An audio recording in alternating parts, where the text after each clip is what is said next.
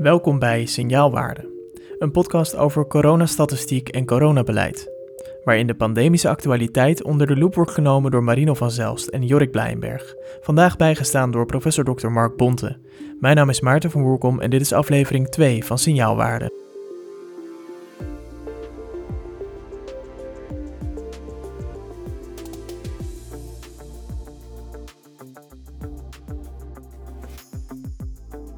Goedendag en welkom. Het is vandaag 27 eh, januari 2021 en dat is een halve week na de publicatie van de eerste aflevering van uh, deze podcast. En we zijn eigenlijk wel overdonderd door alle reacties en de waardering die we hebben mogen ontvangen. Dus daarvoor allereerst grote dank. En uh, daarbij hebben we ook heel veel input mogen ontvangen van jullie luisteraars ter voorbereiding op deze aflevering. Want um, ja, hierbij ook grote dank aan uh, onze gast, want in de digitale studio is aangeschoven uh, professor Dr. Mark Bonte. En we hebben zojuist besproken dat het uh, in deze podcast je en jij mag zijn en Mark. Dus Mark, welkom. Leuk dat je er bent. Leuk. En ik heb gepoogd een hele kleine beknopte samenvatting te maken van um, wie Mark Bonte eigenlijk is. En ik kwam uit op arts-microbioloog en epidemioloog, werkzaam in het UMC Utrecht. En iemand die zich bezighoudt dus met infectieziekten en dan de thema's preventie, diagnostiek, behandeling, verspreiding en vaccinatie. Um, en daarnaast dus uh, adviseer je in het kabinet over het te voeren coronabeleid binnen het Outbreak Management Team. En nu mis ik dus ongetwijfeld iets, omdat dit waarschijnlijk veel te kort door de bocht is. Dus ik was heel benieuwd, um, zijn er correcties of aanvullingen? Nee, dit is ongeveer wel uh, de, de beschrijving van mijn werk. Ik uh, werk al 22 jaar in het UMC Utrecht, dus dat is al een hele tijd. Daarvoor opgeleid uh, en gepromoveerd in Maastricht. Daar ook geneeskunde gestudeerd. Oorspronkelijk ook uit, afkomstig uit Limburg. En uh, nou, ik uh, ben eigenlijk no lang niet zeg maar op social, social media geweest. Dat is eigenlijk pas een paar jaar. En dat was een beetje keuvelend rondom antibiotica-resistentie en dat soort dingen. Tot COVID begon. dus een hele wereld voor mij open gegaan die ik niet kende. Inmiddels iets beter ken. En nou, vind het leuk om, uh, om te discussiëren over, over deze moeilijke materie. En uh, als jullie mij wat vragen hebben, dan kan dat. En ik zal naar eer en geweten antwoorden. Ik weet niet alles. Daar ben ik ook vaak heel eerlijk in. Maar daar komen jullie vanzelf achter. We zijn heel benieuwd, want we hebben eh, inderdaad een, uh, een hele hoop te bespreken. Um, daarnaast zijn natuurlijk uh, nu ook aanwezig de andere twee mede-oprichters, mede-bedenkers van deze podcast. En dat zijn Marino en Jorik. Goedenavond, hallo. Iedereen is aangeschoven. Um, en uh, ik wil eigenlijk dus dit gesprek gaan vatten in, uh, in drie hoofdlijnen. Want, um, nou ja, zoals ik net al even, uh, Mark, jouw kerntaken, of, of, ja, de hoofdthema's beschreef: preventie, diagnostiek, behandeling, verspreiding, vaccineren. We kunnen alle kanten op. Um, dus ik had bedacht om deze podcast te vatten in drie thema's: strategie, testen en infectiepreventie en vaccinatie. En dan wilde ik eigenlijk bij het heden beginnen. En dan denk ik dat het goed is om uh, deze podcast een beetje los te maken. Om te beginnen met wat uh, korte vragen. En dan vooral ook een heel kort antwoord. Dus ik, ik hoop dat dat lukt. Um, en we zijn dus nu op uh, eh, 27 januari 2021. Dus we zitten bijna een jaar in die coronapandemie. Waarin je dus nou ja, best een hele prominente en belangrijke rol vervult. dus eigenlijk zijn we heel benieuwd. Hoe zag een dag in het leven er precies een jaar geleden voor jou uit? En hoe ziet die er nu uit? Um, precies een jaar geleden zou de, woensdag er als volgt uitgezien hebben. Om 8 uur s ochtends uh, werkbespreking met de promovendi. Kopje koffie erbij met 20 in een kamer. En om 9 uur, uh, nou, om 9 uur komen er dan nog 20 bij. Want dan is de, de meer officiële werkbespreking. Waarbij een van de promovendi dan een, een voordracht houdt. Waar hij een tijdje aan gewerkt heeft. Dan uh, gaat de dag door met allerlei besprekingen. En eindigt hij aan het eind van de middag ook weer met een, een bespreking met promovendi rondom, uh, dat zijn de promovendi van de groep die op de intensive care werken. Um, en, en niet heel veel, ja, die dag is altijd wel gevuld, maar de woensdag was doorgaans uh, mijn favoriete dag, want die begon en eindigde met, uh, met research. Met research, oké. En um, nou ja, daar, daar even op. Hè. Dus uh, research, onderzoek, voortschrijdend inzicht. Wat dacht je een jaar geleden? En wat nu dan totaal fout blijkt te zijn in relatie tot corona of misschien wel in relatie tot uh, hoe we nu leven? Uh, nou, toevallig schreef ik deze week een jaar geleden een blog over ehm, dat ik voor het eerst mezelf uitsprak, dit gaat helemaal fout. Dat was ehm, het was dus eind januari. Het was vrijdag 23 januari, ik weet het nog heel goed. Ik was op donderdagavond in het Science Café in Harderwijk met Jan Douwe Kroeske. En daar ging ik een verhaal vertellen over antibiotica-resistentie. Maar de beamer begaf het. Dus Jan Douwe en ik moesten die tijd vullen. En toen kwam het al vrij snel op dat virus wat nu in Azië was. En ik weet eigenlijk niet, ik zou het graag eens van hem terug horen wat ik daar toen gezegd heb. Maar de dag erna, op de vrijdag, verscheen er een paper op uh, Biomed Archives, denk ik. En dat was, vond ik, de eerste betrouwbare schatting van een R0-waarde en een serieel en zeg maar de generatietijd. En uh, die, die R0-waarde die zat tegen de 3. En die generatietijd was 5, 6 dagen. Dus toen dacht ik, ja, dit, is, uh, dit gaan die Chinezen nooit stoppen. Uh, dus dan heb ik geschreven, als we in staat zijn het in China te houden, is dit het achtste wereldwonder. En uh, nou ja, een maand later uh, hadden wij het en toen schreef ik een blog met het, toen was een melding dat het in, in Italië was en toen was het het. Dus nu zit het in de, binnen de Schengen-grenzen, nu is het echt, nu kunnen we onze borst nat maken. Dit gaan we echt niet meer stoppen. En toen was al de grote vraag, dat ging, al, dat ging alles bepalend zijn, is er presymptomatische verspreiding ja of nee? Het was op dat moment, wat mij betreft, de, de, enige vraag die relevant was. Want dat zou, zeg maar, de, hele, de hele, ja, zeg maar, het hele probleem gaan bepalen. Bij de eerste SARS was dat er eigenlijk nagenoeg niet. Eigenlijk helemaal niet.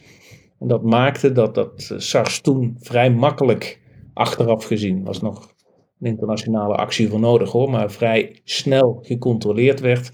En die had ook een R-waarde van ongeveer 3 en een generatietijd van ongeveer hetzelfde. Dus dat ging net zo snel. Maar dat, dat bleek achteraf dat dat eigenlijk alleen maar verspreidde op het moment dat iemand al doodziek was.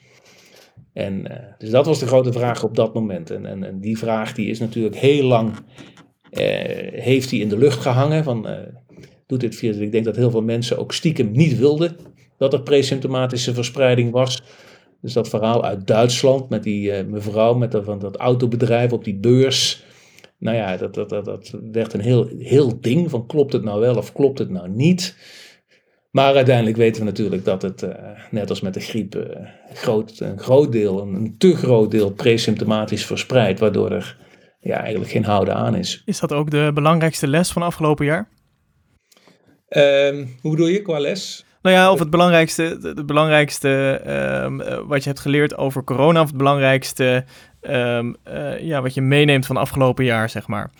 Het belangrijkste wat ik meeneem van afgelopen jaar is dat ons land totaal niet voorbereid is op een pandemie. Nou, daar komen we zo meteen nog op volgens mij. Ja, het, Want er zijn... echt, echt dramatisch. daar zijn ruime, ruime vragen over gesteld. Uh, en dat is gedaan uh, door de luisteraars, ook, zoals, ik al, uh, zoals ik al zei. En um, ik wil nu even door naar de dag van vandaag. en dan binnen het kader van strategie. Um, Marino, jij hebt een hoop vragen zien binnenkomen, ook op Twitter van um, de luisteraars. Welke vond jij nu het meest prangend?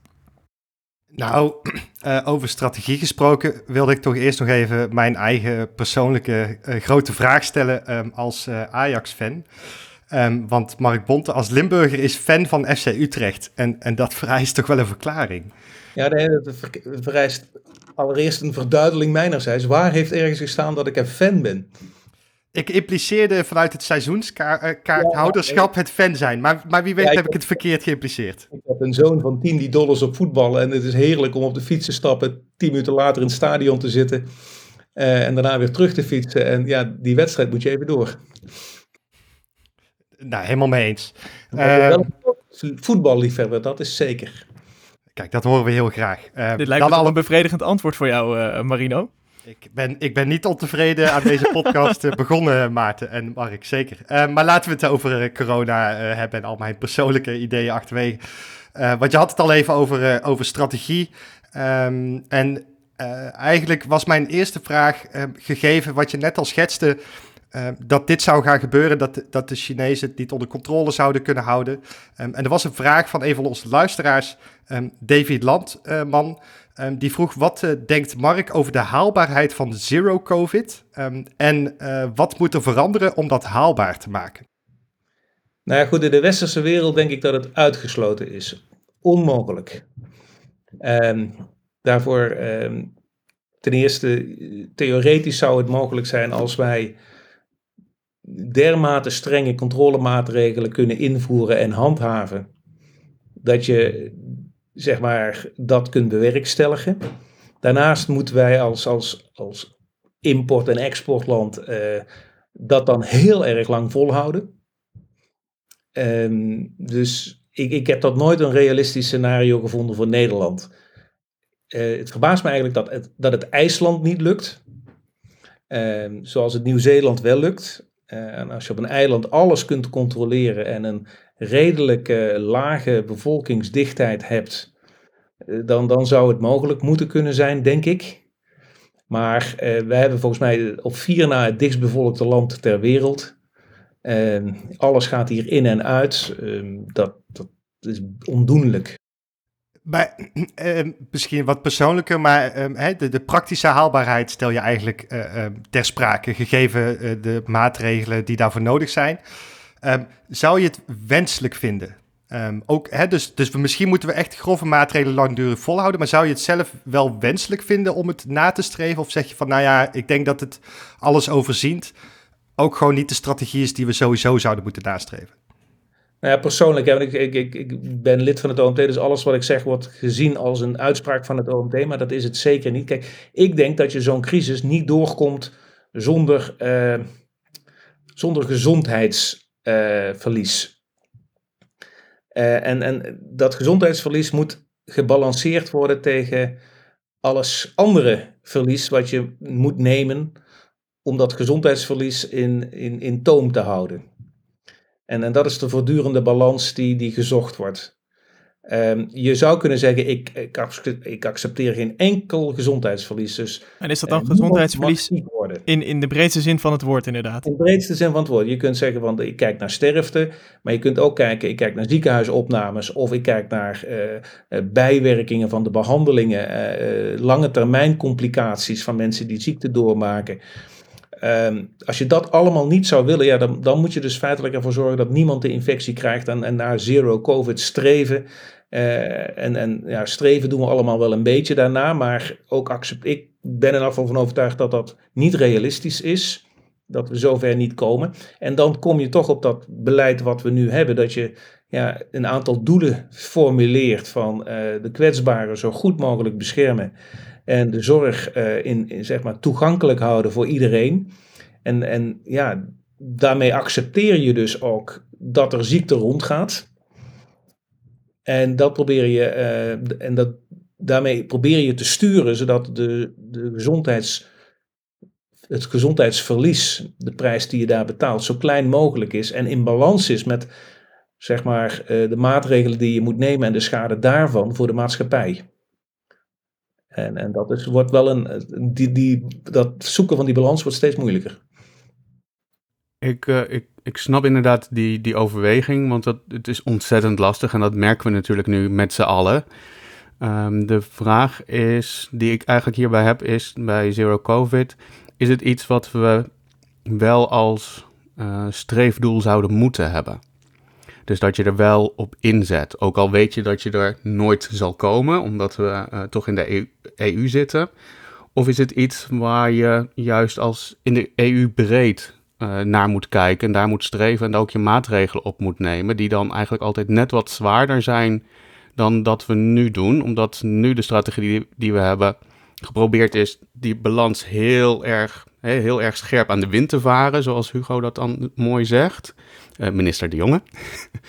um, maar daardoor dat je, we zien toch elke keer weer dat we daardoor altijd net iets, net niet, uh, onze maatregelen zijn net niet zwaar genoeg, waardoor we altijd naar de andere kant, de balans altijd negatief uitslaat. Waardoor het niet alleen is uh, veel mensen die lijden aan COVID, maar ook heel veel mensen die lijden aan alle andere dingen.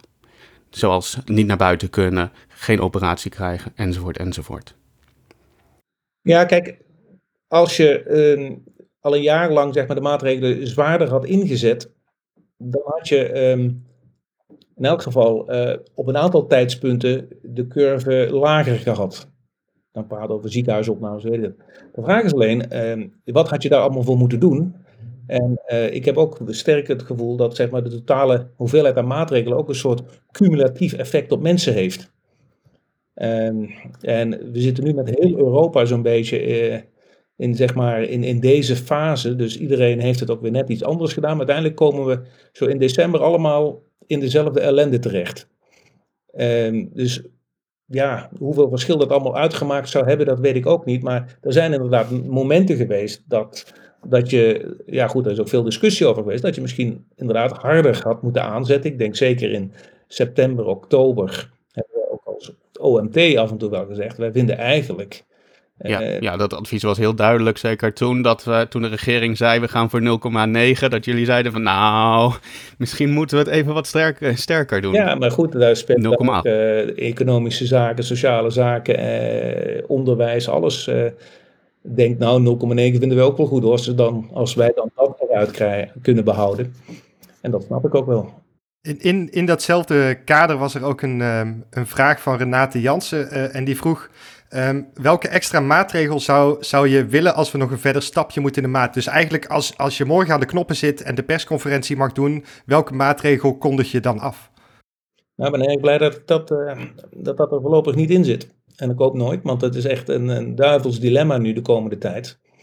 Uh, wat er gaat gebeuren. Hè? Dus die, die, die R-waarde van die eh, UK-variant in, Nederland, die zit nu nog boven de 1. En dan zien de effecten van zeg maar, de laatste aanscherping, eh, die kunnen we nog niet zien in die getallen. Maar ja, wat nou als die nog 1,3 is over twee weken? Dan, dan kunnen we wel zeggen, we gaan alles weer versoepelen. Maar dan weten we wat er komen gaat. Nou goed, maar dan is het aan de politiek om daar een, een keuze in te maken. Ja, wat je nu nog kunt doen is ja, nog, nog meer sturen op, op eenzaamheid. Dus uh, nog uh, en, en strenger en handhaven. Dat is uiteindelijk. Ik, ik zie nu af en toe berichtjes van Marion Koopmans. Die, die zit al drie weken in quarantaine in China op een hotelkamer. Uh, ja, zo kan het ook. Ja. Wat is nou de, de belangrijkste signaalwaarde die je zelf in de gaten houdt? Die je voor het zelf belangrijk vindt? Nou, dat is eigenlijk toch de ziekenhuisopnames. Ehm, want dat dat is, dat, dat is enerzijds van hoeveel kwetsbare mensen uh, worden toch zo ziek dat ze moeten worden opgenomen. En uiteindelijk denk ik dat het uh, toegankelijk houden van de zorg voor iedereen wel een, een groot goed is hoor. Dus, uh, we moeten er toch niet aan denken dat je met je hartinfarct niet meer in een ziekenhuis terecht kunt. Of, of, of een halve dag in een ambulance buiten staat te wachten. Dat, dat lijkt me echt een horrorscenario wat, wat, waar veel voor, zeg maar, veel voor mag wijken om dat te voorkomen.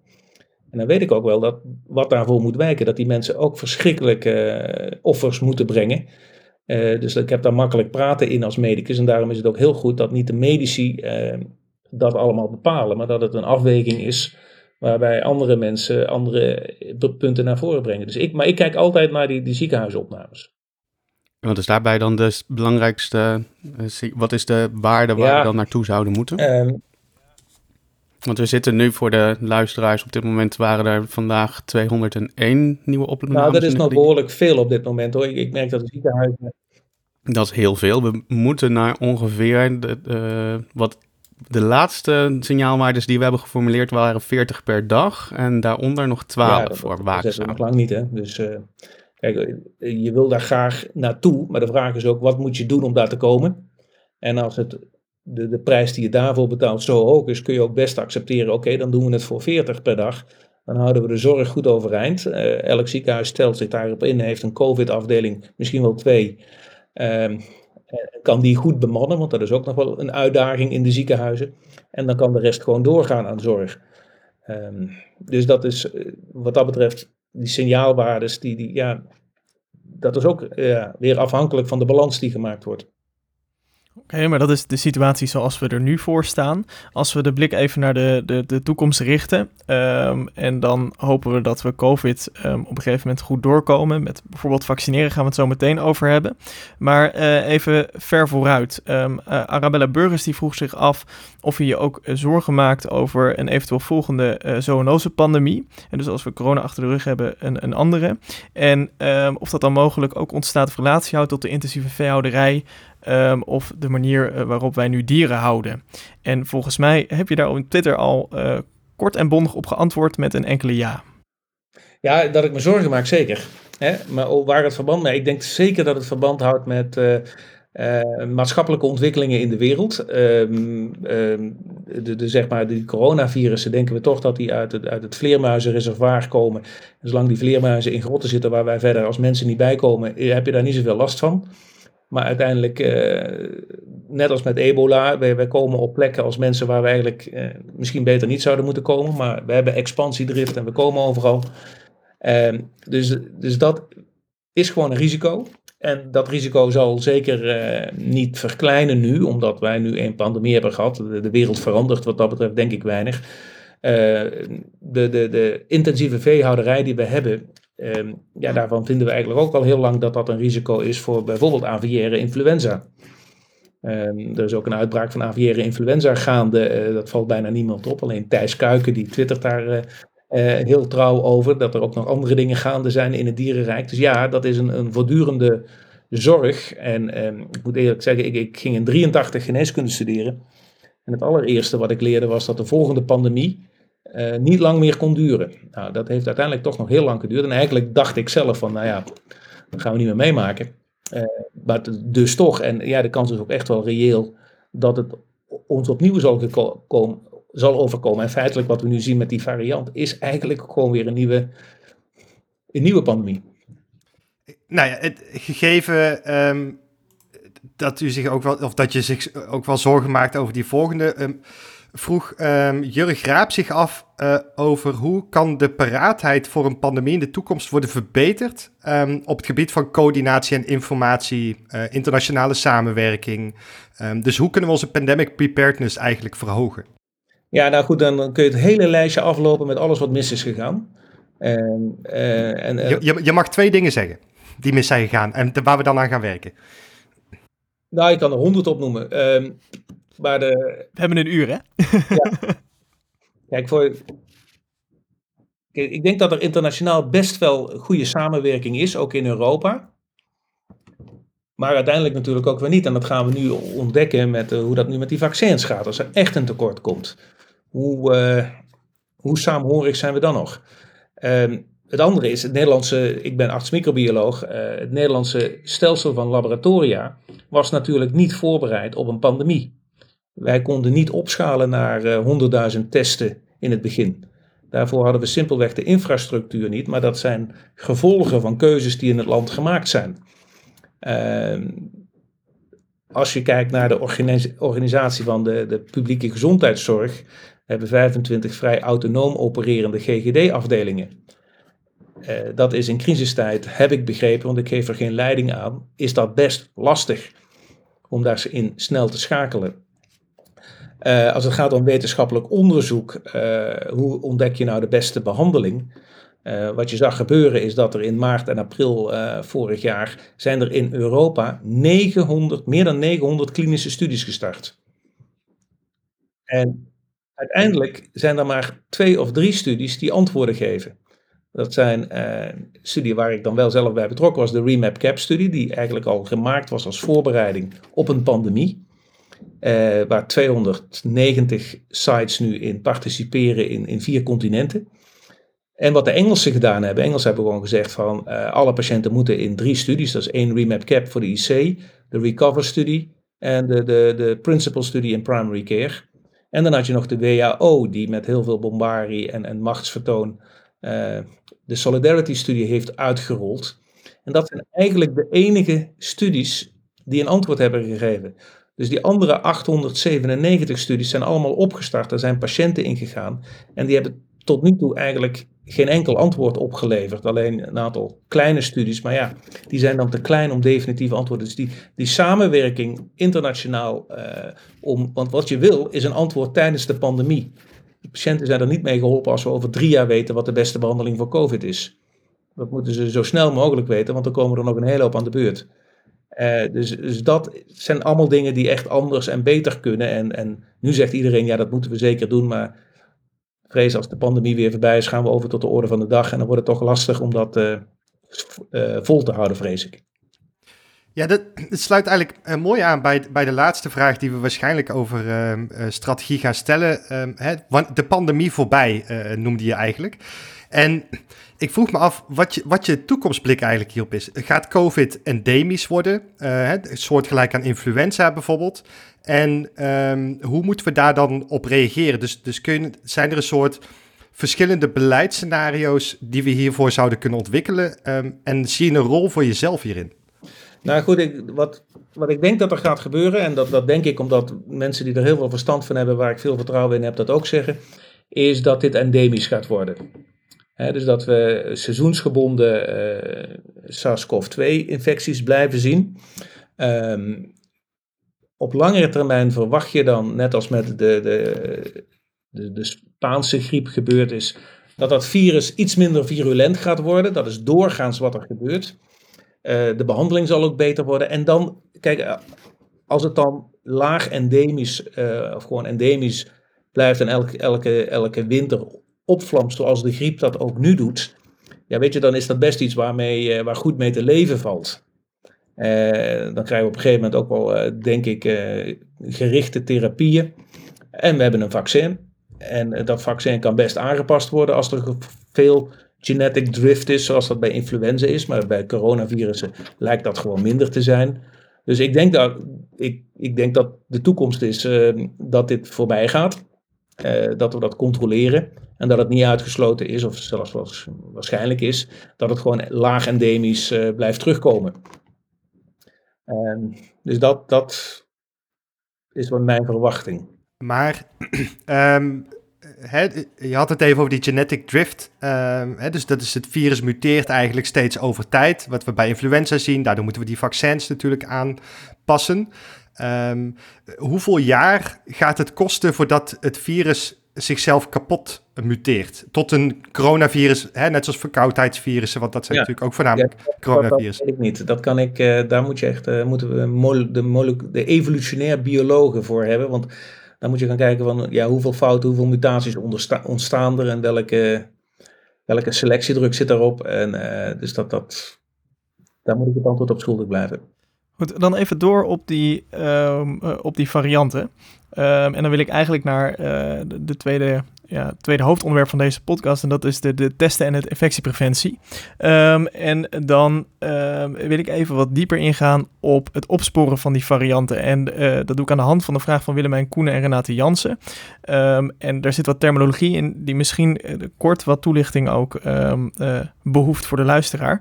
maar die vroegen zich af van hoe intensief wordt er nu gesequenced? En of zijn er misschien andere manieren om varianten op te sporen die ingezet worden, zoals een S-drop-out schrijven hoe lang zou het duren voordat wij een Nederlandse variant hebben gedetecteerd bijvoorbeeld? Ja, kijk, wij, wij sequencen in Nederland best veel en toch weer niet zoveel. Um, Kun je kort toelichten wat, wat sequencen is? Even voor de mensen die er dus iets meer... hele RNA in kaart brengen. Dus hele RNA, alle codes achter elkaar. En dan, als er zeg maar één RNA, of zeg maar één basiscode zeg maar veranderd is, dan heb je eigenlijk al een ander type. Dus dan krijg je een soort telefoonboek en, en daarop kun je de, de, de virussen in een filogenetische analyse met elkaar vergelijken. En dan kun je bijvoorbeeld heel mooi zien of er sprake is van een uitbraak, want dan lijken die codes heel erg op elkaar. Uh, maar je ziet ook heel duidelijk verschillen. Uh, en die verschillen die er in de genetische opmaak zijn, die hebben meestal uh, geen effect op hoe het virus zich gedraagt. dus dan heb je nog steeds een virus met dezelfde transmissiecapaciteit en dezelfde virulentie. Maar soms zitten er grotere verschillen in en, en krijgt het virus dus wel een ander fenotype. En dat is uh, met die varianten aan de hand. En daarbij is het belangrijk om je te realiseren dat die varianten niet ontdekt zijn door het sequencen, maar die zijn ontdekt door, uh, doordat mensen goed opletten en een toename van infecties zagen die ze niet zomaar konden verklaren. En, en toen zijn ze pas gaan kijken, van, is dit dan een ander type? Hè? Eh, dan gaan ze sequencen, is er iets aan de hand? En dan blijkt inderdaad dat het een andere andere groep is, althans een groep die je anders kunt karakteriseren op basis van de genetische code. En dan gaan mensen pas kijken, ja, maar kunnen we dan ook een biologische verklaring vinden? Zitten er mutaties in die uh, leiden tot veranderingen in belangrijke uh, delen van dat virus, eiwitten van dat virus, aangrijpingspunten? Uh, en, en, dus op die manier kom je dan ook op de beschrijving van die varianten, die overigens allemaal nog proefondervindelijk vastgesteld moeten worden dat het dat het zeg maar, die biologische uitkomst heeft die, die er nu aan toegekend wordt. Dus het begint met, met hele goede epidemiologie. En, en wij sequencen nu ook veel meer dan de. Kijk, de Engelsen deden best veel, maar de Engelsen sequenceden ook maar 5% van hun positieve isolaten. Uh, volgens mij uh, deed, deed eigenlijk Denemarken doet het meeste proportioneel gezien. en dan Engeland en dan eigenlijk zitten wij niet eens zo heel, heel laag, maar we zijn nu wel meer gaan sequencen. En, maar dus de ontdekking van al die varianten die iets te betekenen hebben, is op basis van de epidemiologie. Ehm, de Engelsen hadden ook, dat is best een mooi verhaal, die hadden ook een enorm geluk. Want die hadden, uh, je hebt heel veel verschillende soorten methodes om, om een PCR uit te voeren. Elk apparaat is weer een beetje anders en heeft weer andere primers en dit en dat. En, en er is één systeem waar, waar gebruik werd gemaakt van dat S-gen. En in Nederland hebben wij ervoor gekozen om dat systeem eigenlijk niet te gebruiken, omdat dat toch een beetje outdated was en uh, grote kans had inderdaad dat er mutaties zouden ontstaan, waardoor je een bepaald gen niet meer zou oppakken. En dat is precies wat er in Engeland gebeurd is. Die hadden dat systeem wel, uh, die hebben er wel voor gekozen, waarschijnlijk omdat er op dat moment die andere hippere systemen allemaal uitverkocht waren. Dus zij moesten grote laboratoria gaan neerzetten en hebben gewoon gekocht wat er te krijgen was waaronder dit systeem. En toen zij dus gezien hadden dat er een, een, toename was en dat er een genetische variant was, toen pas hebben ze de twee aan elkaar gekoppeld en zeiden ze, ja, maar wij zien ook een enorme toename van die S-dropouts in die systemen. En ja, dat bleek hetzelfde te zijn. En toen bleken ze dus al meteen ongelooflijk gedetailleerde epidemiologie van twee, weken, twee maanden te hebben. Ze konden gewoon naar die S-dropouts gaan kijken, want in het begin waren die S-dropouts niet allemaal de variant, maar binnen no time was 100% van de S-drops out. Dus dat was gewoon pathognomonisch voor de variant. Dus daarmee eh, konden ze al die studies, al die informatie die we nu al hebben, uh, is eigenlijk een geluk bij een ongeluk dat het met die S-dropout zo mooi te karakteriseren was. Want anders hadden we al die kennis nu nog niet eens gehad. Hadden we alleen geweten, er zit iets vreselijks, maar we weten er eigenlijk nog zo weinig van. En, en zij hebben nu al die epidemiologische studies kunnen doen op basis van die S-dropout. Dus uh, ja, wij kijken nu ook heel goed natuurlijk. Uh, wij zijn ook meteen ook dat systeem gaan testen om te kijken naar de S-dropout. Dat is dan een hele snelle manier. En dan moet je sequencen, ja, en dat duurt nog steeds langer. En langzaam maar zeker hebben we nu ook uh, PCR's ontwikkeld die heel gericht naar die mutant kijken. Uh, targets die heel specifiek zijn. maar ja, over een week of drie zal de meerderheid van de isolaten zal de variant zijn. En dan ja, hoef je ook niet meer specifiek de PCR of de sequencen. Dan weet je het. Uh, maar dat is, uh, dat is het verhaal, het spannende verhaal van de S-gene dropout. En, en, en eigenlijk op de, de laatste. Hè, dus eigenlijk als wij bijvoorbeeld in Nederland uh, een, een, een E-dropout krijgen, of een, um, als ik het me goed herinner, RDRP, maar correct me if I'm wrong uh, dropouts ineens zouden krijgen. Wat volgens mij zijn dat degene waar wij voornamelijk op toets, testen. Of begrijp ik het dan verkeerd? Ja, wij hebben. Nou, nou val ik meteen een beetje door de mand, want ik ben helemaal niet zo moleculair onderlegd hoor. Ik heb ontzettend goede collega's, mensen als Rob Schuurman, die weten daar echt alles van. En die kiezen ook die targets en die weten ook precies wat je wel en wat je niet moet kiezen omdat je natuurlijk een target wil hebben wat niet aan selectiedruk onderhevig is, zodat er niet zo snel mutaties in gaan ontstaan. Um, kijk, het belangrijkste is als wij zeg maar een onverklaarde toename zien in een bepaalde regio, dat we dan gaan kijken, is hier iets aan de hand? En, en dan zou je erachter kunnen komen dat daar een, een, dat daar een variant speelt.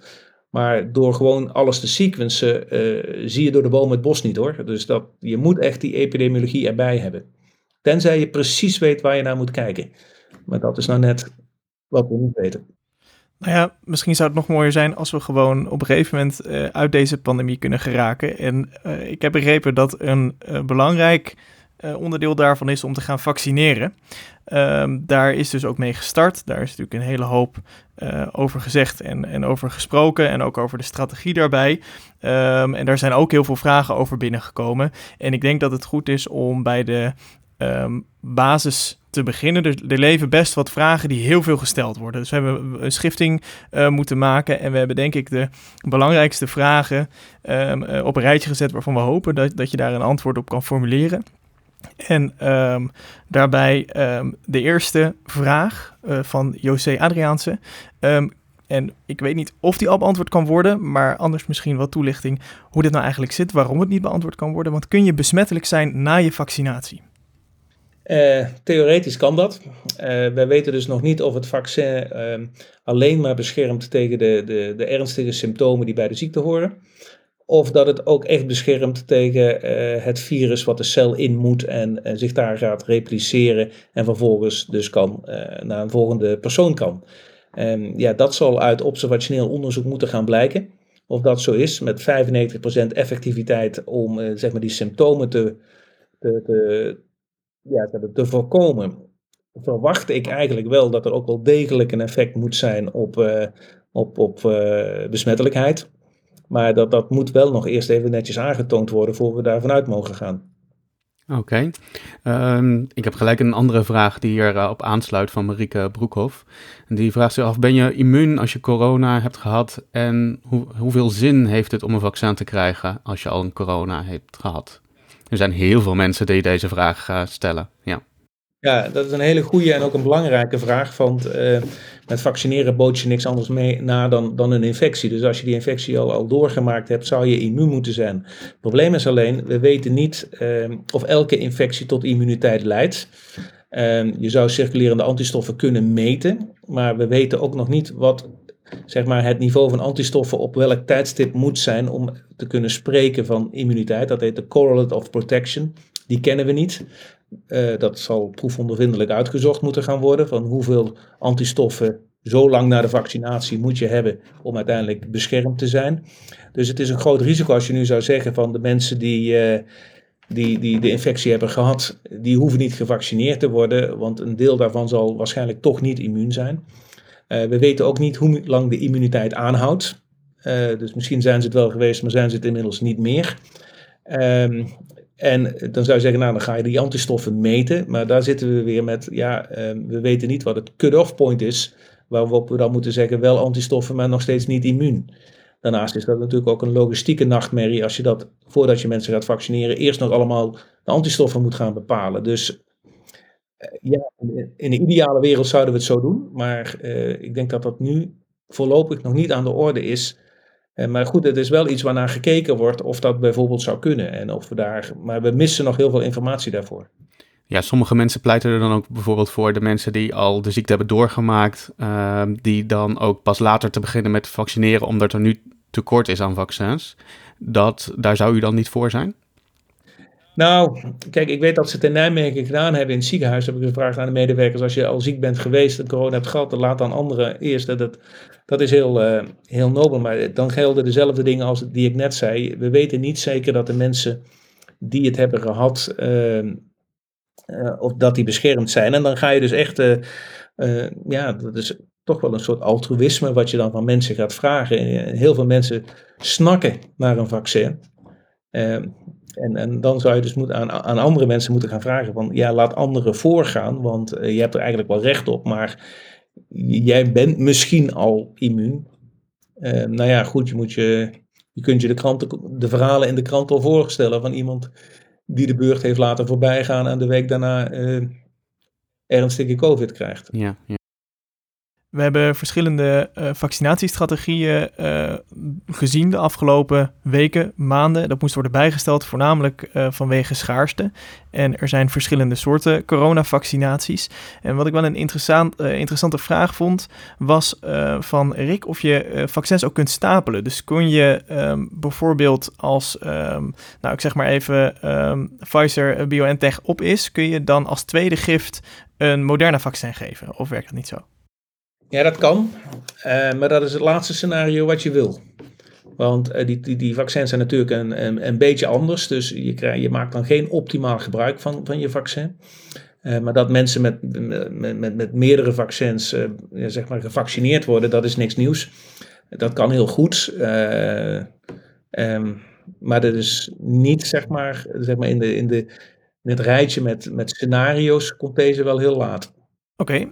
En um, als je dan ehm, eh, eh, we willen natuurlijk snel vaccineren. Want ik denk dat, dat daar ook een beetje die um, vraag uit voort is gekomen. En dat is natuurlijk ook de kritiek die er veel is geuit, dat het erg langzaam gaat. In het verlengde daarvan, als die duur van de pandemie langer is, we zien nu die, die mutaties opkomen, die varianten. We hopen dan telkens dat die vaccinaties daar ook, um, uh, het, tegen um, helpen. Maar is het een probleem dus dat je langer vaccineert op het moment, of uh, dat, je, dat, je, ja, dat je vaccinatieproces langer duurt, dat het virus dus langer de tijd heeft om te muteren en dat dus uiteindelijk je vaccinatie weer niet voldoende werkt. Dus is mutatie een probleem bij een lange vaccinatiestrategie? Dat weet ik niet. Dat weet ik niet. Je zou bijna denken van wel, hè, dat je zegt van je, je, creëert, je creëert en selectiedruk in een klein deel van de populatie. Eh, door een klein deel van de populatie te vaccineren en in de rest gaat het nog gewoon rond. Dus je hebt nog steeds heel veel virus met selectiedruk. Uh, dat zou passen inderdaad bij, bij meer kans op mutaties, juist tegen die selectiedruk gericht, dus tegen het, tegen het vaccin. Um, wederom uh, een prachtige vraag voor een uh, evolutionair uh, microbioloog. Ja, dus ik acht niet uitgesloten dat dat inderdaad zo is. Dus er is bijna geen argumenten bedenken waarom je niet snel iedereen zou willen vaccineren. De, dus kort samengevat, gas op die lolly. Ja, elke spuit moet meteen in een arm. En Ehm, ja, wat ik dan gisteren eh, las en ook vandaag op Twitter zag, uh, dat in een verpleeghuis uh, vijf mensen op vijf verschillende manieren door verschillende instanties gevaccineerd moeten worden. Ja, dat is Nederland op zijn smalst. Maar zo, iemand noemde dat ook volslagen doorgedraaid, ge, ge, wat we gedaan hebben, doorge, door, door, doorgedraaide controledrift of zoiets was het. Ja, het liefst zou je hebben dat er gewoon in, elk, in zo'n huis um, een auto voor komt rijden, iedereen vaccineert en naar het volgende huis gaat. In plaats dat dat vier, vijf mensen, verschillende mensen op verschillende tijdstippen moeten doen. Maar ja, um, dat is weer uh, iets wat we echt denk ik meenemen vanuit deze pandemie, hoe wij ons land georganiseerd hebben. Maar door die doorgeslagen controledrift bestaat er dus wel een grotere kans op genetische drift. Of, nou, ik weet niet of dat genetische drift, het gaat daardoor in elk geval langzamer. Maar ik vond het stuk in de Volkskrant vanochtend ook wel, wel heel goed hoor. Want eh, kijk, we kunnen er allemaal klagen en zo. Maar het, eindelijk, het grootste probleem is dat we gewoon veel te weinig vaccins hebben. En, en we doen dat dan netjes en iedereen staat ingepland en heeft ook uh, eh, 100% zekerheid bijna op die, die tweede gift over drie weken. Daar worden ook eh, weinig fouten in gemaakt, want dat willen we dan ook niet. Hè. Er mogen ook geen, geen datalekken ontstaan en dat soort zaken vinden we ook vreselijk. Dus het moet ook allemaal goed georganiseerd zijn. Maar het grootste probleem is toch echt dat we nog veel te weinig vaccins hebben. Hoewel we wel blij moeten zijn dat we die vaccins hebben, maar het is nog maar een druppel op een gloeiende plaat. Ja, en daarop doorgaand uh, zitten we natuurlijk heel erg te wachten op heel veel andere vaccins. Een van de vaccins die uh, Nederland heeft ingekocht, dat is het uh, CureVac-vaccin. Daar loopt nu een derde fase studie van. En die luidt u als het goed is. Nou, nee, nee, wij zijn gewoon uitvoerend centrum in Utrecht. Ehm, wij, wij coördineren het wel voor Nederland. Dus wij hebben het met, met CureVac zo geregeld dat wij een aantal sites in Nederland ook gevonden hebben die, die meedoen. Amsterdam, Breda, Haarlem. Die zijn inmiddels ook al gestart. En de afspraak is dat wij in Nederland 2000 uh, deelnemers mogen recruteren van de in totaal 30.000. en hopelijk gaan ze zo snel mogelijk. er worden steeds al interim analyses gedaan hoor. Dus zij kijken net als die andere studies dat gedaan hebben op elk punt naar het aantal eindpunten dat ze hebben. En dat zijn ook weer dezelfde eindpunten als in die andere studies. Want hoe loopt die studie nu? Stemt het hoopvol? Nou, ik, oh, het is een dubbelblinde studie, dus over de, de, de effectiviteit. Ik heb werkelijk geen idee. Um, nee. Dus de inclusie loopt in elk geval heel goed. Uh, we hebben een fantastisch team wat, wat het uitvoert. En ik ben er, kom regelmatig op de vaccinatiesite en dan loopt dat allemaal heel soepel. Ik, ik hoor ook van mensen dat het, dat het goed gaat. Ehm, en, en ja, er worden ook bijwerkingen gerapporteerd. Dus er zijn blijkbaar ook mensen die het placebo niet krijgen. Dat, uh... En is dit nou, um, dat, dat, vaccineren, want zo introduceerde ik dat. Um, is dat nou inderdaad de uitweg uit deze pandemie? Of ehm, als we nou even kort zouden moeten schetsen, we hebben het gehad over de strategie, we hebben het over ehm, de, het testbeleid gehad, uh, over um, varianten die opduiken, we hebben het over vaccineren gehad. Hoe gaan we nou het snelst uit deze pandemie ja, komen? Alleen vaccineren. Ik, ik zie geen andere uitweg. En volgen we daar dan nu de goede strategie voor? Uh, nou, de goede strategie is uh, zoveel mogelijk, zo snel mogelijk elk vaccin uh, toedienen. En, en, en dan heeft de Gezondheidsraad bepaald feitelijk de volgorde daarin, die prioriteert. En die prioritering die, die, die is afhankelijk van, van, van een aantal dingen. Eén is de staat van de epidemie. Dus het belangrijkste nu is om de zorg, de druk op de zorg uh, in toom te houden, zeker met wat er gaat komen. Dus nu wil je vooral mensen vaccineren die anders uh, wellicht in het ziekenhuis terechtkomen. Um, we moeten ook kijken naar wat de, de, de effectiviteit van de vaccins in de verschillende uh, bevolkingsgroepen. Dat kan ook een keuze beïnvloeden. Uh, maar goed, daar zitten ook ethische en, uh, en, en, en, en, andere aspecten aan die, die meegewogen zijn in het kiezen van de strategie. En is het een passende omzwaai geweest om um, bijvoorbeeld eerst um, het acuut zorgpersoneel ook te gaan vaccineren? Nou ja, dat dat natuurlijk. Uh, ja, ik denk dat dat voor het zorgpersoneel, want ik werk zelf ook in een ziekenhuis. Ik ben overigens niet gevaccineerd, want ik kom niet in de buurt van patiënten. Dat het vooral een moreel heel belangrijk was. Dus uh, voor het moreel van de mensen in het ziekenhuis, dat ze die aandacht kregen en dat ze dat vaccin kregen. Uh, want ja goed, we zien ook uit de cijfers dat het aantal mensen in de zorg wat besmet is geraakt. En dat is niet per se dat dat dan in de zorg is gebeurd. Uh, dat, is best, dat is eigenlijk vrij hoog. Dus als je kijkt naar alle beroepen, dan is eigenlijk alleen de, het werken in de zorg geassocieerd uh, zeg maar met, met, een hoge seroprevalentie. Dus die mensen hebben het doorgemaakt. Uh, maar dat is de hele zorg. Dat is niet alleen de ziekenhuizen, maar ook de verpleeghuizen, mensen die daar werken. Uh, dus um, ja, ik, ik, als je kijkt van, als, je, als het streven was geweest alleen maar ziekte voorkomen voor mensen die er potentieel aan overlijden, of een grote kans op overlijden hebben, of om op, in het ziekenhuis terecht te komen, dan, ja, dan was deze groep dat niet. Dus het was wel een andere afweging. En ja, daar speelt dan uh, de publieke opinie ook een belangrijke rol in, hebben we gezien. Uh, het ging gelukkig ook om, om maar een kleine groep. Dus ze hebben gelukkig besloten om, om dan ook echt alleen maar die mensen die op de COVID-afdelingen moeten werken, te vaccineren. En diegenen die het vaccin hebben kunnen bemachtigen, want zo was het wel een beetje in de ziekenhuizen, die zitten er nu ook aan vast. Dus die kunnen voorlopig geen diensten weigeren op die afdeling. en dat is uh, in veel ziekenhuizen ook goed nieuws. Dus wat dat betreft uh, snijdt het mes aan twee kanten. Nog een ander thema wat, wat ik in mijn hoofd had. Wat, hè, ik ben een, een gedragswetenschapper. Um, en um, er is ook een vakgebied wat de sociale epidemiologie heet. Um, en een van onze uh, luisteraars, die, Jamie Borjas, die vroeg zich af heeft de sociale epidemiologie een rol gespeeld in de adviezen van het, van het OMT? Misschien moet je dat eerst even uitleggen. Ja, maar even, uitleggen. Wat, wat, is precies de sociale epidemiologie? misschien wel, maar herken ik het al. Zodat... Dus uh, uh, dat lagere socio-economische uh, klassen meer risico lopen op bijvoorbeeld infectie vanwege hun beroep um, of vanwege bepaalde gezondheidscomorbiditeiten bijvoorbeeld. Um, en heeft, heeft dat specifiek stuk, hè, dus dat sociale onderdeel van de epidemiologie, ook een rol gespeeld in de adviezen van het OMT? Nou, de adviezen van het OMT waren meestal zo ja, algemeen dat, dat er ook voor speciale bevolkingsgroepen niet apart dingen zijn geadviseerd. Maar we kennen natuurlijk allemaal de risicofactoren die geassocieerd zijn met ernstige ziekte. Dat is uh, mannelijk geslacht, leeftijd en uh, obesitas die, die zijn heel duidelijk. En als we kijken naar verspreiding in de bevolking, zijn er ook wel heel duidelijke uh, signalen te zien waar die verspreiding het meeste optreedt. Dat is in de grote steden, waar heel veel mensen, ook jongeren, bij elkaar wonen. En waar ook grote huishoudens zijn. En, en waar uh, mensen uh, er heel veel waarde aan hechten om met die hele grote familie ook heel vaak heel dicht bij elkaar te zijn. Langdurig binnen. ja, dat, dat, dat speelt. Maar heeft het ook een rol gespeeld in de OMT-adviezen? Nee, maar dat heeft verder niet geresulteerd in aparte OMT-adviezen, zover als ik weet. Nee.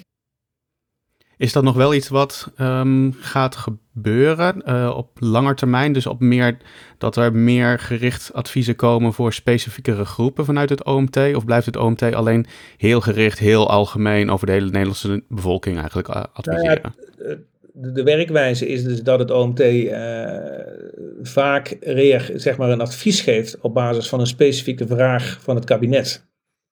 En dan komt daar het antwoord op. kijk, als het kabinet zou vragen van, uh, wij, kunt u ons adviseren over dit deel van de bevolking, dan, dan zou het OMT daar iets op moeten zeggen. Mm -hmm. Maar vooralsnog heeft ook het kabinet dat niet gedaan. En ik denk ook niet dat dat per se nodig is hoor. Het is niet dat ik zeg van dat had moeten gebeuren. Uh, je krijgt, voor degenen die modellen maken, die modellen lijken altijd heel homogeen, zo'n recht lijntje. Maar zo gaat het in de bevolking niet. Er is een enorme heterogeniteit. En uh, nou ja, goed, het, het, was natuurlijk wel heel karakteristiek dat je na, die zo, de zomer zag dat het in, ja, in de grote steden, de studentensteden, dat dat echt de, de, de hotzones waren van de verspreiding. Ja, dat dat. Had je toch enige bevestiging dat ook die modellen wel kloppen. Het is zo grappig, want uh, je schetst net eigenlijk van het kabinet is eigenlijk degene die de vragen stelt waar het OMT op reageert. Um, nou had ik twee vragen in mijn hoofd die gaan over vragen die, die je nooit gesteld zijn.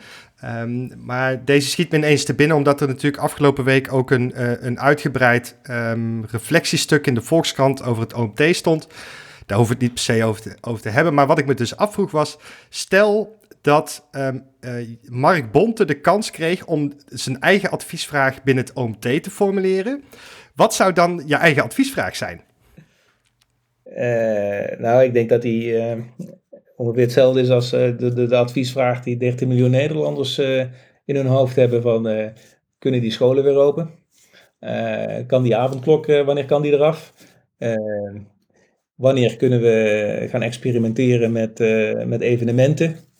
Ja, weet je, het, het, iedereen denkt dat het OMT, kijk, ik weet niet wat ze denken van Dante, maar um, wij worden natuurlijk ook enorm geleefd door de waan van elke nieuwe dag. Uh, er is elke week een ander dilemma.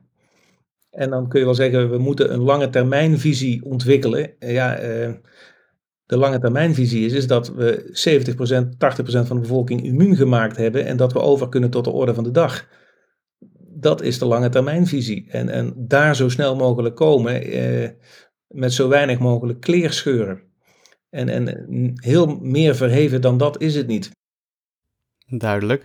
Ik was wel benieuwd, um, los van echt langer, langer termijn visie hebben of waar moeten we heen, zijn er nu, je geeft aan, we leven echt in, de, in een beetje in de waan van de dag, maar zijn er dingen waarvan je nu al denkt van, dit zijn dingen die we nu over het hoofd zien, maar over zes maanden misschien nog wel echt belangrijk kunnen worden? Wat zijn issues die misschien over zes maanden, dus in juni, juli gaan spelen? Nou ja, wat nu gaat spelen is eerst uh, wat gaan die varianten doen? Hoe gaan we die onder controle krijgen? En het andere wat gaat spelen is wat gaat vaccinatie doen? Los van het feit dat het mensen beschermt, welk psychologisch effect gaat het, het vaccineren hebben op mensen? Uh, gaan mensen ineens toch denken van ja, nu hoeven al die maatregelen niet meer. En gaan mensen hun gedrag veranderen? Want dan zou het dat zou echt grote effecten kunnen hebben op hoe we zeg maar, de komende maanden doorkomen. Mhm. Dus dat, dat, daar zijn we ook aan, aan, aan, aan het rekenen. Eh, dus dat, dat is bijzonder interessant. Uh, maar dat zijn inderdaad dingen die, die, waar we nu, kijk, als we denken, we denken allemaal nou, die vaccins komen, prikken klaar. Maar dan kan de sociale epidemiologie uh, mm -hmm. een intrede, haar intrede doen in, in, hoe de, zeg maar, het restant van de pandemie zich eh, gaat ontwikkelen. Dus dat zijn dingen die we ook nog tegen gaan komen. Maakt u zich daar zorgen om? Wat zeg je? Maakt u zich daar zorgen om? Ja, want dat, is, uh, dat, dat, dat zijn potentieel weer terugvallen die we, we liever niet hebben. Dus daar moet nu naar gekeken worden van, van hoe, wat kan daar gaan gebeuren en, en hoe gaan we dat proberen te voorkomen. Dus wat dat betreft is er wel degelijk een visie vooruit. Mm -hmm. uh, maar je kunt natuurlijk niet voorspellen welke varianten er nu nog gaan komen. En uh, dat, uh, dat, ja, dat, dat, kan heel erg meevallen. en als het heel erg meevalt en we dit snel onder controle, deze zeg maar, nieuwe variant goed in toom kunnen houden, dan hoop ik dat we in het voorjaar ook weer met de combinatie met, met veel testen en snel testen ook weer evenementen kunnen gaan laten plaatsvinden. Kijk, de, de plannen liggen klaar. Maar dan moet de curve wel goed omlaag zijn om, voor je dat soort experimenten gaat uitvoeren. Is dat het uh, perspectief waar we aan moeten denken het voorjaar? Ja, ja, ja ik hoop het echt. Ja. Dan, dan, dan help ik het u hopen. Um, ja, nee, dat, uh... ik, ik, zat nog, ik zat nog wel met, met um, twee, twee vragen. Uh, meer, meer over Mark Bonte zelf. Uh, want we hebben het over vaccinaties gehad. We hebben het over strategie gehad. En ik kan me zo voorstellen, gegeven alle programma's waar je het afgelopen jaar bent geweest, inclusief deze podcast um, nu natuurlijk, dat er een vraag is waarvan je altijd hebt gehoopt, ja, als iemand me die zou stellen, dat zou ik echt geweldig vinden. Dat kan gaan over of je uh, misschien naar Zuid-Korea zou willen migreren, of welke um, uh, corona-vraag, of uh, welke vraag is een vraag die je heel graag zou willen hebben en dan zou willen beantwoorden. En dan mag je hem zelf stellen en gelijk beantwoorden. Had je me gisteren even moeten mailen deze, dan had ik erover na kunnen denken. Um, zou je namens de regering het wetenschappelijk onderzoek in Nederland zo willen organiseren dat de kans op de volgende pandemie kleiner wordt? Althans, de kans op dat we als als land deze pandemie nog een keer doormaken op deze manier, dat die kans kleiner wordt. Dan zou ik zeggen, nou, dat zou ik best wel willen doen, ja. En dan is uiteraard de vervolgvraag, hoe? Nou, dan uh, zou ik. Uh, kijk, we hebben ontzettend goede wetenschappers in Nederland. En die zijn verspreid over zes, zeven universiteiten. En alle expertise die kan helpen om, om ons beter voor te bereiden, die zou je zeg maar aan elkaar willen knopen en willen verbinden.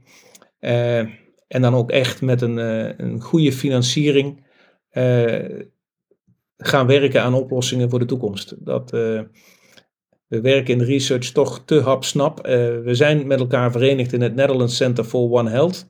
En dit is One Health. Dit is klimatologische en maatschappelijke veranderingen leiden ertoe dat die virussen in een mensenrijk terechtkomen. Een zoonose die de wereld plat legt. Nou, uh, meer One Health kun je niet krijgen. Althans, meer One Health problemen kun je niet hebben. Dus ja, dat, daar, uh, dat zou heel mooi zijn als we die krachten, of die, die, die capaciteiten die we daar al in hebben, als we die nog beter kunnen bundelen. En, maar het zal ook van, van onderzoeksgroepen in Nederland vragen dat ze de koers rigoureus gaan veranderen. Uh, wetenschappelijk onderzoek moet ook een, uh, een, ja, toch ook impact hebben en maatschappelijk relevant zijn. Ja, de wetenschap moet meer antwoorden leveren dan, dan we nu hebben. Dus uh, ik verwacht ook dat, dat de wetenschappers in Nederland uh, de koers wijzigen. Ja. nou, ik heb nog één laatste vraag. En dan, dan ja, we kunnen vijf uur doorpraten met je, uh, vermoed ik, gegeven alle vragen die je kunt beantwoorden. Maar ik doe er nog één, want de tijd is ook bijna om natuurlijk. Um, als, als onderzoeker heb ik zelf altijd zo'n droomstudie in mijn hoofd. Dus als ik onbeperkt geld had en onbeperkt mensen met wie ik zou kunnen samenwerken, dan, dan weet ik wat ik zou willen onderzoeken. En um, ik vroeg me af, uh, wat is de droomstudie uh, van uh, Mark Bonte? Dus als je onbeperkt geld en mensen zou hebben, wat zou je dan morgen gaan onderzoeken? Nou die droomstudie, dat klinkt heel blasé, maar die is er nu. Dat is de Remap Cap. Dat is daar, ik heb aan het, aan, aan het begin van die studie gestaan, zes jaar geleden. Um, dat moest een, een, een, een, nou we wisten toen eigenlijk nog helemaal niet precies wat het moest worden.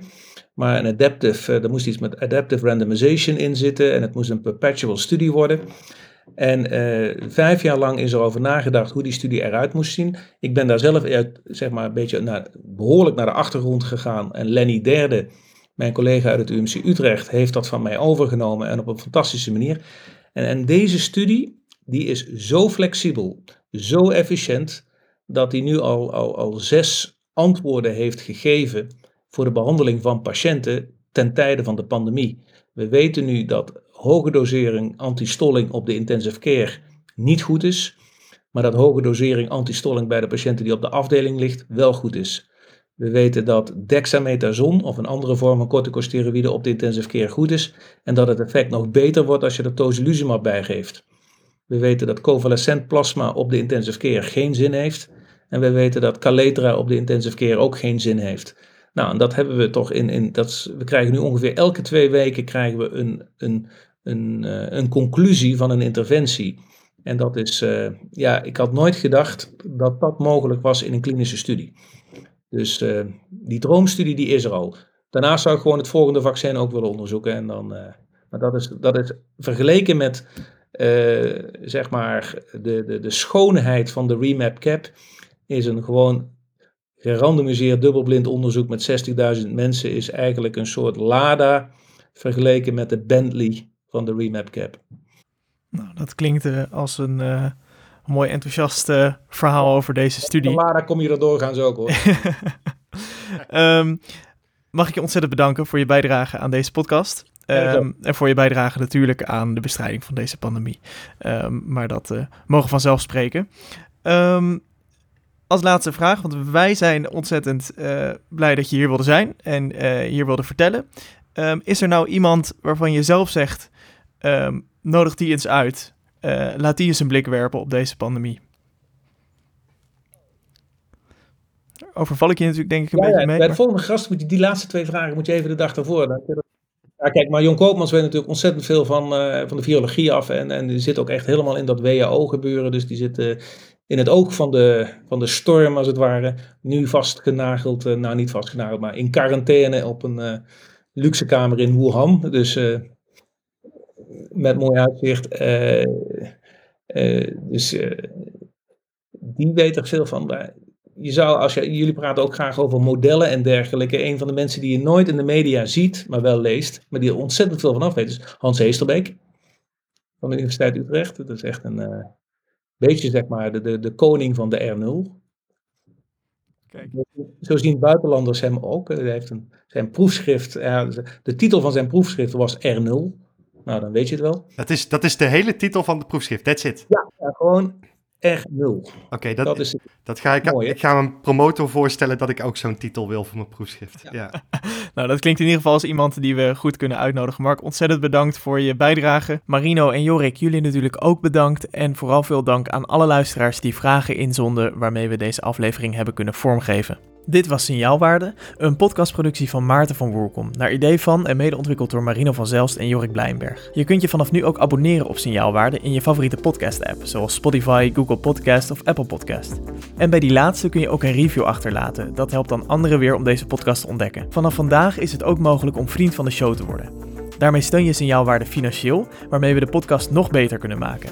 En een heel aantal luisteraars gingen je al voor en steunden ons via een tikkie. Ook deze is nog te vinden op signaalwaarde.nl. Zoek dan naar de button bijdragen. Bijzonder veel en speciale dank aan de mensen die dit al hebben gedaan. Wil je vriend van de show worden? Ga dan naar vriendvandeshow.nl slash signaalwaarde. Of ga naar onze eigen website signaalwaarde.nl. Daar vind je ook alle informatie die je nodig hebt. Dit was het voor deze aflevering. Bedankt voor het luisteren en tot de volgende keer.